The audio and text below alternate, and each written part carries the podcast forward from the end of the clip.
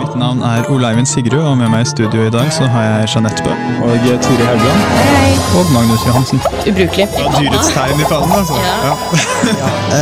og jeg er enig i at det er en veldig spennende idé. Molekyler med rare navn. Populærvitenskap i labdidab. Du er enig.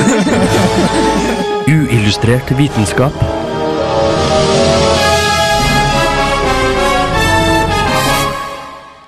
Vi i Uillustrert vitenskap-redaksjonen har egentlig tatt oss påskeferie, men så oss nødt til å reise tilbake til Trondheim for å gi dere en ny episode denne uken òg. Vi kan love et utvalg av våre favorittsaker fra dette semesteret, samt en spennende nyhet fra NTNUs forskningsmiljø, som neppe vil gjøre dagens hjernevaskdebatt mindre opphetet.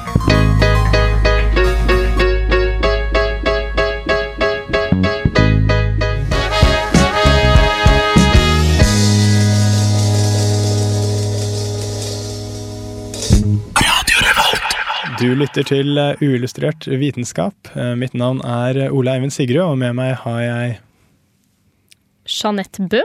og Magnus Johansen. Vi har også med oss Turi Haugland bak spakene. Eh, det har jo vært veldig mye debatt i det siste rundt Harald Eies hjernevask. Eh, vi kommer egentlig ikke til å ta noe stilling til akkurat det i dag, fordi det har jo alle andre programmer diskutert. Eh, men eh, akkurat nå for noen dager siden så Men nå har eh, NTNU-forskere eh, gjort noen eh, oppdagelser som de tror, eller håper, vil kanskje roe denne diskusjonen litt. Vi stiller oss litt skeptiske til at den debatten vil ende pga. dette, men la oss nå høre hva de har funnet.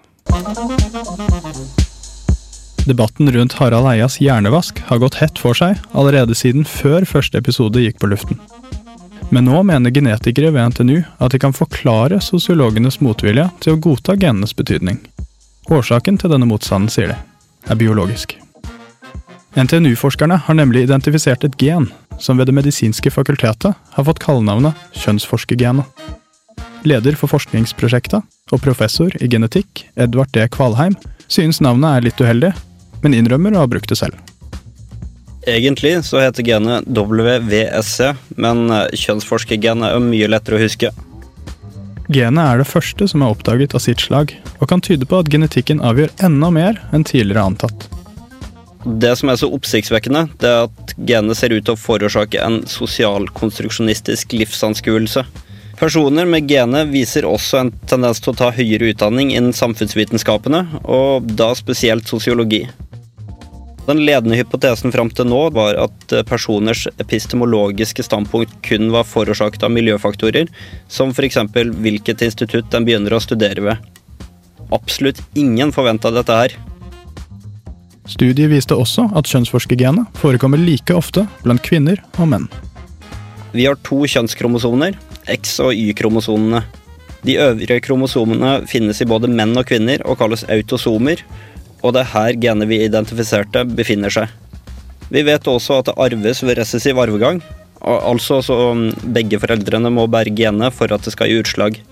Men det betyr også at mange kan bære genet uten at de selv er sosialkonstruksjonister. Nyheten om et sosialkonstruksjonistgen har fått foreningen Studieby1 til å reagere. Foreningen er kjent for sin kjærestegaranti, og setter nå i gang en kampanje målrettet mot sosiologistudenter. Under kampanjenavnet Tverrfaglige forhold oppfordrer de studentene til å finne kjærester utenfor sitt eget institutt. Vi mener at eh, dette vil være fordelaktig, siden eh, vi trygt kan si at eh, genet er mer utbredt blant disse studentene. Med hensyn til sosial konstruksjonisme befinner de seg i en risikogruppe, og forhold på tvers av instituttene vil derfor minske sannsynligheten for at begge partene i et forhold er anleggsbærere. Kampanjen har provosert flere sosiologer ved NTNU, bl.a. kjønnsforsker Randi Sakariassen. Det er gammelt nytt at eh, Trondheims utdanningsinstitusjoner har en sterk naturvitenskapelig bias, men det her går for langt. Tankene farer tilbake til Tyskland på 30-tallet og eugenikk. Hun er heller ikke spesielt imponert over det såkalte kjønnsforskergenet. Forskningen deres er helt uinteressant. Vi vet veldig godt at egenskaper som eh, sosialkonstruksjonisme bestemmes av miljøfaktorer som sosial klasse, foreldrenes foretrukne epistemologi og hvor en tar utdanninga si. Gener er kun en sosial konstruksjon. Vitenskap. Radio Revolt. This is Charles L. Bennett from Johns Hopkins University. Science, it works, bitches.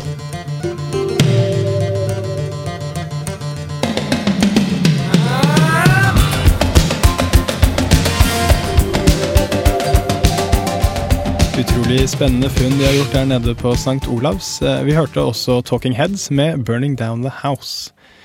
Resten av sendingen blir en såkalt eh, best of-sending. Eh, Det vil si at vi tar de beste reportasjene og intervjuene og slikt fra dette semesteret, og spiller dem for deg. Vi begynner med Turis første reportasje. Ja, for uillustrert vitenskap. Det var jo om uh, Charles Darwin, fordi vi hadde jo en uh, evolusjonssending uh, den gangen.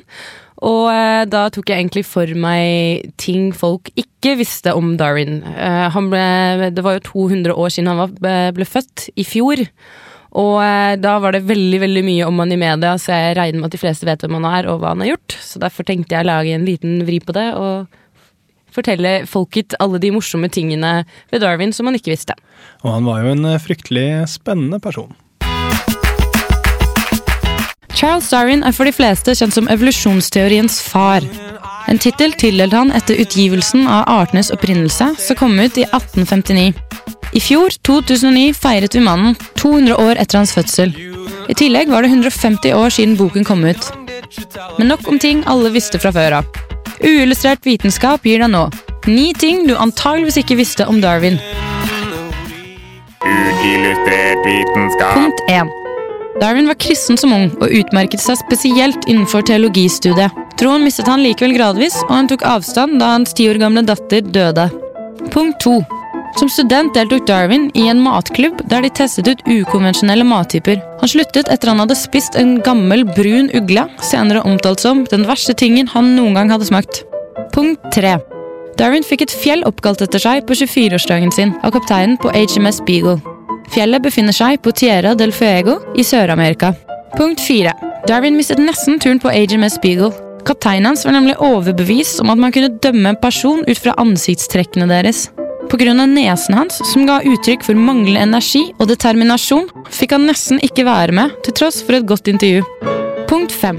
Kirken ga en formell unnskyldning til Darwin i fjor, 126 år etter hans død. Unnskyldningene hørtes litt ut som dette. 200 år etter din fødsel ber kirken av England deg om unnskyldning for å misforstå deg, misforstå dine hensikter, i tillegg til å oppfordre andre til å misforstå deg og dine hensikter. Unnskyld for det. Punkt 6. En forsker ved navn Alfred Russell Wallace kunne tatt tittelen evolusjonsteoriens far, hadde ikke vennene til Darwin presset han til å gi ut boka i 1859. Wallace sin utgivelse kom likevel før Darwin sin, og han sa at å lese den var som å lese et sammendrag av sine egne notater. Punkt 7. Darwin var gift med sin første kusine Emma, som var sterkt religiøs. Punkt 8. Darwin ble begravd som statsmann ved siden av Isaac Newton i Westminster Abbey i England. Punkt 9. Charles Darwin sin farfar, Rasmus Darwin, var litt av et multitalent. Han var lege, filosof, oppfinner og forsker. I tillegg ga han ut teoriene sine på rim. Blant annet er han kjent for et dikt om plantenes sexliv i The Loves of the Plants fra 1789. Uillustrert vitenskap.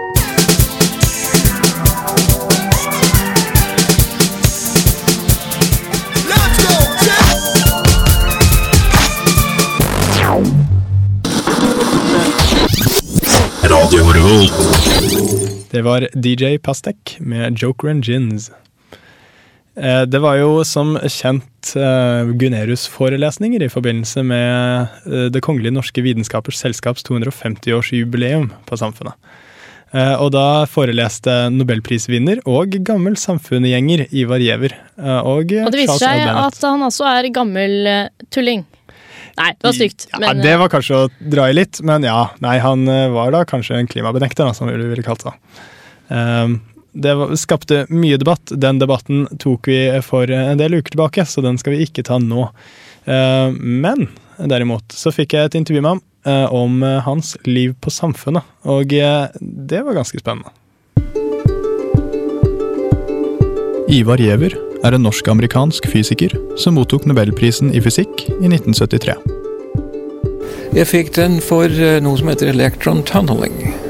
Og hvis du ikke kan fysikk, så høres det helt urimelig ut. fordi at det betyr at en partikkel kan gå fra, fra sted A til sted B uten å være mellom A og B. Han kan være i A, og så går han til B, men han er aldri mellom A eller B. Og det høres ikke riktig ut for meg som amerikansk ingeniør, da, så høres det helt tullerøst ut. ikke sant? Og det var derfor jeg fikk prisen. Hans senere forskning, siden tidlig på 70-tallet, har hovedsakelig vært innen biofysikk. For meg så er biofysikk å anvende fysikk for å løse biologiske problemer. Så det er det som jeg mener med biofysikk. Det er, grunnen, det er ikke noe fag i seg selv. For hvis, hvis, du reiser rundt i verden og møter en annen biofysiker, så er det noe helt annet enn det du gjør. Så det faktisk er, fra mitt synspunkt, så er å bruke fysikk til å hjelpe biologien.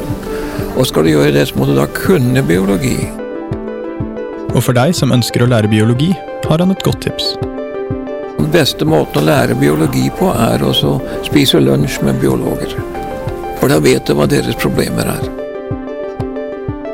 Nobelpriser, elektrontunnelering, biofysikk. Spennende, men ikke akkurat noe de fleste av oss kan kjenne oss igjen i. Det kan jo da nevnes at Ivar Giæver ikke alltid var fysiker.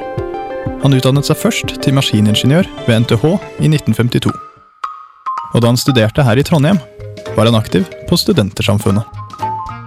Uh, ja, jeg var ikke aktiv i regi, da, vi kalte det den gangen. Jeg var aktiv som kortspiller, og vi, vi møttes ofte i Studentsamfunnet. Efter, efter og, og også under for, forelesningene. Vi gikk ikke så ofte på forelesningene, så vi spilte mye bridge og litt poker i samfunnet. Det var forbudt å spille poker, men vi gjorde jo allikevel, da. Samfunnet kan, som kjent, oppta store deler av en students tid. Og Ivar Giæver var intet unntak. Jeg brukte jo mesteparten av tiden min der, vil jeg si.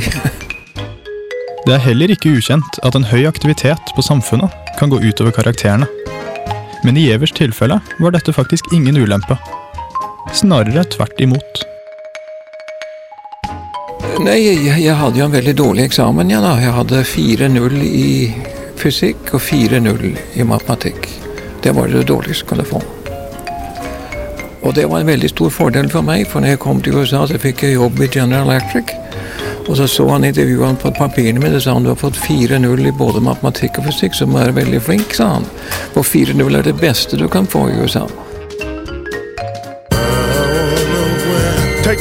Out of the ignition and put your hands on the steering. Making the crack down and taking the rap crown. I'm letting them know that it's Gibbs, ho, bitch. Nuclear reactors could provide power almost indefinitely. Greenhouses could maintain plant life. Animals could be bred and slaughtered.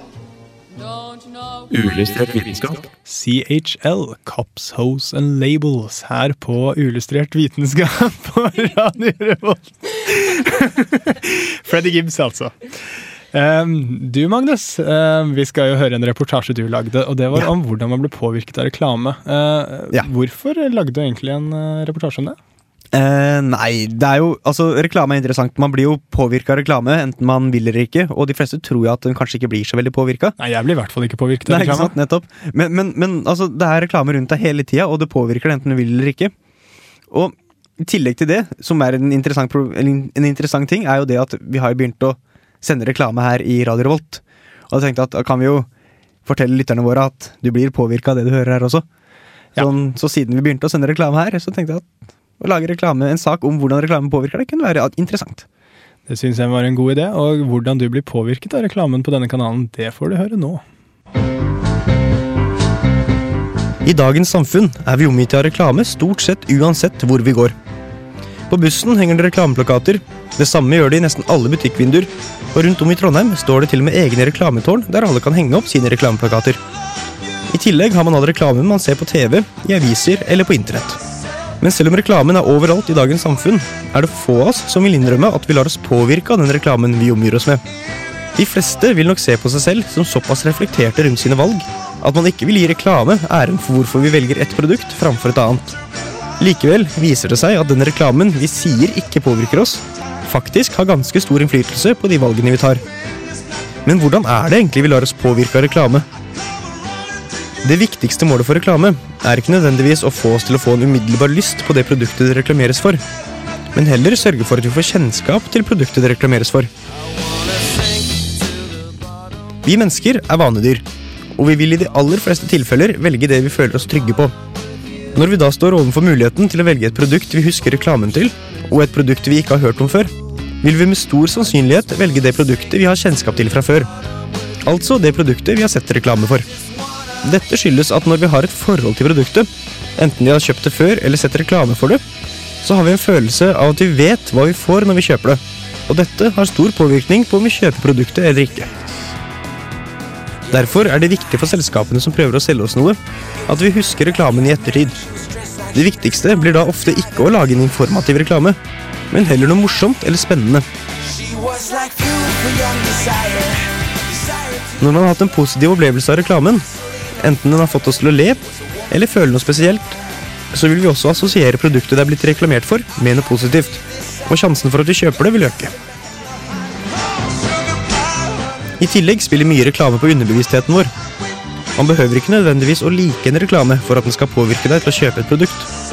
Ofte holder det at du ser reklamen mange ganger til at du naturlig kobler et produkt med det merket det reklameres for. I tillegg legger vi merke til mye mer reklame enn vi faktisk tror. Selv en reklameplakat vi bare går forbi på veien hjem, vil kunne ha påvirkning på oss fordi vi sannsynligvis vil se den hver dag. Så hvis du noen gang har tatt deg selv i å nynne på en melodi fra en reklamefilm, eller bare prata med noen andre om noe du har sett på reklame, så har du mest sannsynlig latt deg påvirke. Og sannsynligheten for at du kjøper det produktet du har sett i reklamen, vil øke.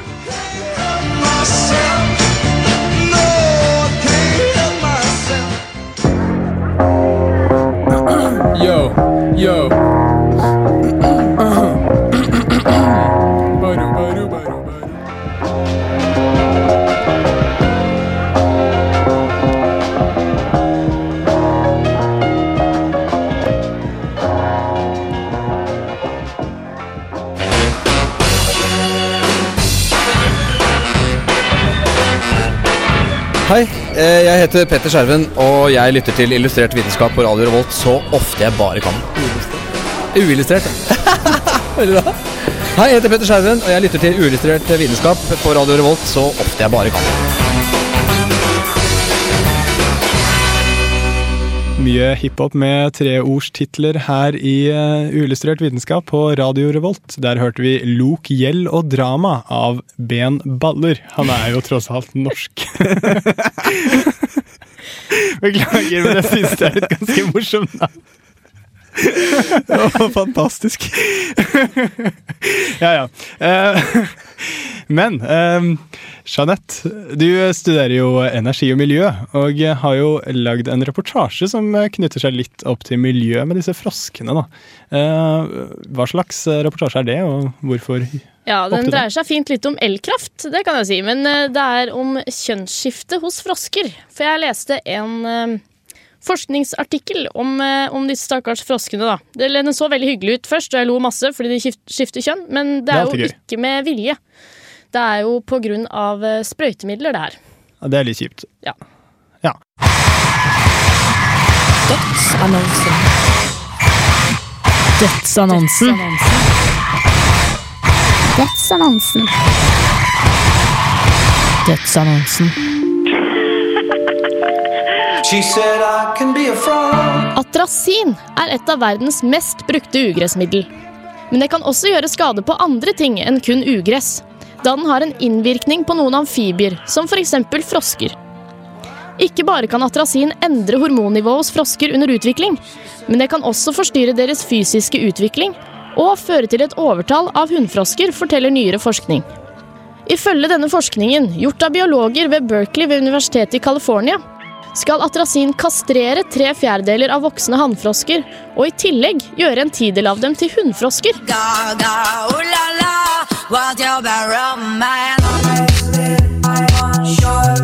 De 75 prosentene som blir kjemisk kastrert, kan man i froskepopulasjonen regne som døde, siden disse ikke kan reprodusere seg. De ti prosentene som går fra hannfrosker til hunnfrosker, noe som ikke er kjent at skjer med amfibier under naturlige forhold, kan utrolig nok formere seg som andre hunnfrosker.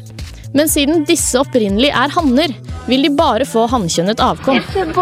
Selv om eksperimentene har blitt gjort på vanlige labfrosker, antyder feltstudier at atrasin kan være årsaken til nedgangen i antall amfibier verden over. Professor Tyrone Hayes ved Berkeley fant i 2002 ut at rumpetroll som vokser opp i atrasinforgiftet vann, blir hermafroditter. She Dette oppstår ved atrasinnivåer 30 ganger lavere enn det som er lov å ha i drikkevann.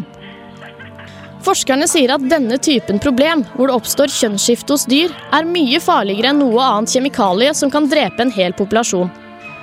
I utsatte populasjoner kan det se ut som frosken formerer seg, men i virkeligheten minker bestanden sakte, men sikkert når det blir introdusert for disse dyrene som har gjennomgått kjønnsskifte.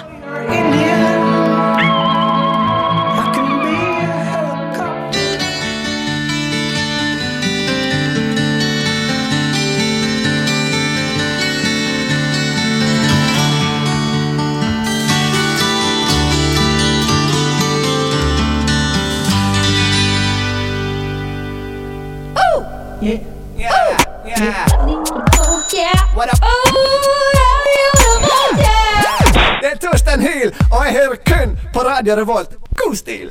Ja, Der hørte vi John Denver med 'Leaving on a Jet Plane'. Eh, og Ole Eivind lagde en eh, litt morsom reportasje tidligere i vår om mugne kråker. Og det er en av mine yndlingssaker, rett og slett, fordi jeg, jeg kjenner meg nesten litt igjen. Ja, nei, vi liker jo alle disse mugne dyrene, eh, og Selvfølgelig gjør vi det. Og eh, det var jo i en forbindelse med en sending om litt sånn overnaturlige ting, og eh, disse kråkene har jo en viss mystikk. Ja, altså jeg bare tenker, De kråkene er kjempecreepy. Som driver og Driver og henger rundt på gatehjørner er og kan si stygge ting til deg når du går forbi, og du føler deg skikkelig dårlig etterpå. kaster stein på deg når du går ut for å kaste søpla og sånn. Det er bare leit. Jeg vet ikke hva slags kråker dere omgås med, men eh, mine var bare generelt gretne og fulgte etter folk. Ja, vi kan høre saken nå.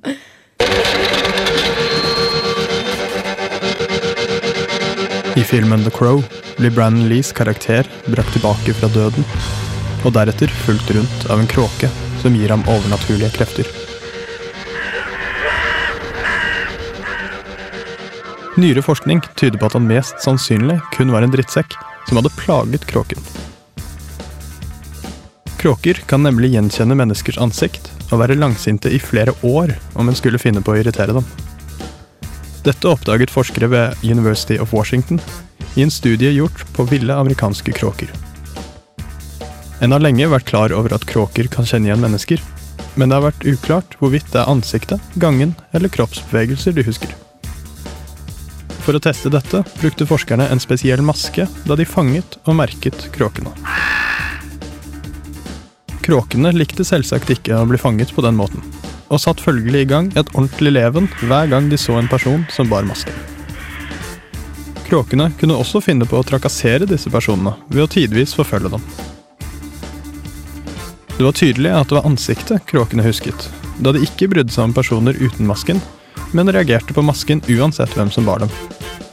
De følte seg heller ikke truet av andre masker, som f.eks. en av Dick Cheney.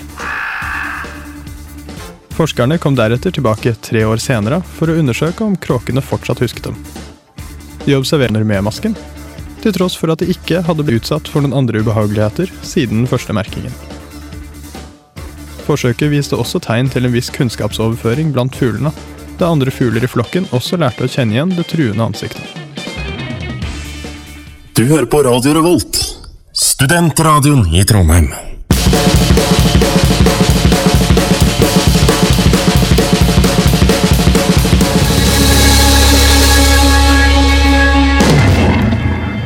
Deilig, deilig eh, prog eh, fri jazzrock der. Eh, Elephant Nine, John Tinnick. Eh, til tross for det du har hørt av oss eh, tidligere denne sendingen, så er vi vel kanskje ikke så veldig optimistiske og fornøyde folk. Eller fornøyde er vi vel, men ikke så optimistiske. Nei, jeg fant jo en artikkel om eh, positive sider ved negative mennesker, og da ble jeg rett og slett eh, ganske glad. For Fordi jeg har blitt kalt eh, negativ eh, til tider. Og Og jeg skjønner ikke helt hvorfor det må være en negativ egenskap. Nei, det, det er rart, det der. Nei, Så vi ble gans- ganske glad da vi, da vi hørte om det her, for det viser seg jo at eh, negative mennesker er mye flinkere på ganske mange områder, og er rett og slett mer ålreite, da, har forskere kommet fram til. Ja, dette vil jeg høre mer om.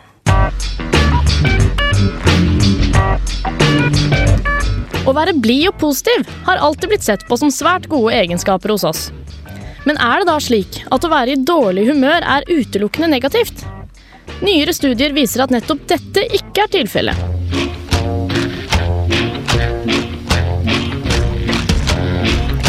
I et australsk studie som ser nærmere på hva humøret egentlig gjør med oss, er det kommet frem til at personer med godt humør er mer egoistiske enn personer med dårligere humør. Studiet ble utført ved at forskere samlet 45 studenter til en liksom-test, der studentene ble fortalt at testen skulle undersøke deres kognitive evner.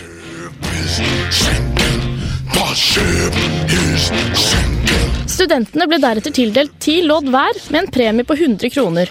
Og under testen fikk den ene halvparten skryt underveis og ble dermed i bedre humør, mens den andre halvparten fikk gjøre testen i fred. Etterpå ble studentene gitt valget om å dele loddene sine med en tenkt venn, eller beholde loddene selv. Det viste seg at studentene som fikk skryt under testen, var mer egoistiske enn de som ikke fikk det, og beholdt mesteparten av loddene sine selv. I et annet forsøk tok forskerne i bruk videoklipp for å endre studentenes humør. Den ene halvparten av studentene fikk se et ti minutters klipp av hotell i særklasse.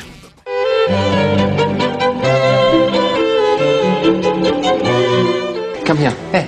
You're a waste of space. Mens den andre halvparten fikk se et klipp fra den triste filmen Angelas Ashes. Worse than the ordinary miserable childhood is the miserable Irish Catholic childhood. Etter filmtittingen fikk de se et bilde av en person, og så spurte om de var villige til å dele noen av loddene med vedkommende. Igjen viste resultatene at de som var i godt humør, beholdt flest lodd. Folk som er i godt humør, stoler mer på sine egne tanker og preferanser, og bryr seg mindre om resten av verden og sosiale normer, sier psykolog Joe Forgus ved University of New South Wales i Australia. Det viser seg at det er flere positive sider ved å være litt muggen en gang iblant. I et lignende studie utført ved Universitetet i Toronto ble humøret på studentene satt av forskjellige typer musikk. Deretter fikk studentene prøve seg på to forskjellige typer oppgaver. Det var en kreativ oppgave som gikk ut på å komme på uvanlige ord, og en oppgave hvor de skulle fokusere hardt på én type informasjon og ignorere alt annet. Studentene i godt humør klarte den kreative oppgaven bra, men hadde liten sjanse på fokusoppgaven. De mer mugne studentene derimot ga stikk motsatte resultater. Det kan altså være en idé med litt depressiv musikk på lesesalen i eksamensperioden. Og det stopper ikke her. Det er blitt kommet frem til flere overraskende resultater angående glade mennesker. Man skulle jo tro at glade folk har lettere for å stole på andre mennesker enn mer negative folk. Men slik er det altså ikke, sier forskning gjort ved Ohio State University. I dette forsøket ble noen av deltakerne bedt om å skrive et essay om noe som gjorde de glad. Mens de andre ble bedt om å skrive om noe de gjorde til daglig. Dette var for å sette deltakerne i et godt humør og et nøytralt humør. Deretter fikk de utdelt et bilde av en person, og ble deretter stilt en rekke spørsmål angående hvor mye de ville stolt på denne personen. Resultatene var slående. De glade menneskene ville stolt mye mindre på en person med et såkalt mistenkelig utseende enn de med et nøytralt humør. Når man er glad, er man mindre motivert til å behandle informasjon nøye. Man føler at alt går bra, så det er ingen grunn til å lete frem ny informasjon, sier Robert Lount, som er forfatteren av dette studiet.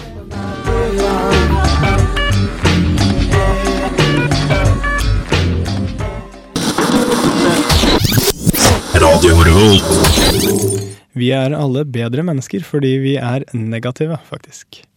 Eh, Det var alt vi hadde for denne Best of-sendingen og nyhetsspesialversjonen av Uillustrert vitenskap.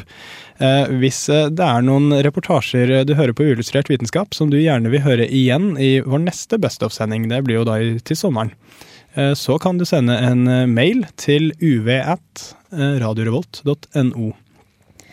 Og nå, eh, ja. ja. nå har vi lyst til å pakke snippesken, er det det det heter? Snippsekken, ja. Snippsekken, og ture opp igjen eh, på fjellet, i og med at vi har tatt oss tid til å gi dere litt uh, uillustrert midt i påska. ned igjen til Oslo. Eh, Håper dere hører på der i solveggen med appelsin og Kvikk Lunsj. Får håpe det. Eh, Da, når dere er på fjellet, så kan dere også ta med uillustrert vitenskap som podkast. Spille for hele familien. Det, det gir god ja. Altså, Er det noe bedre man kan gjøre på kvelden i påsken? Jeg mener, Sitte og kose seg med gamle uillustrert vitenskap-podkast? Uillustrert slagere. Jeg har vanskeligheter med å se for meg noe mer hyggelig enn det. Sånn er Men eh, det var da det vi hadde for i dag. Eh, Jeg er Ole Eivind eh, Sigrud. Med meg i dag har jeg hatt Magnus Jansen. Hallo. Og Jeanette Bø. Ja, det har du. Og Turi har vært med oss både som medarbeider og som tekniker. Og vismann. Og vismann til og med. Så vi høres neste uke som vanlig.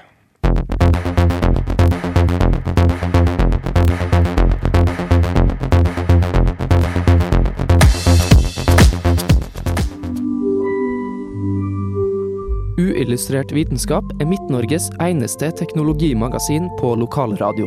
Og vi snakker om alt fra populærvitenskap til sære forskningsprosjekt ved NTNU. Radio Revolt, studentradioen i Trondheim, er stolt av å kunne presentere podkaster fra de aller mest populære programmene våre. Hvis du har lyst til å høre mer fra Radio Revolt, hvem vi er og hva slags musikk vi spiller, så kan du høre oss på FM-båndet i Trondheimsregionen, eller streame sendingene våre live på radiorevolt.no.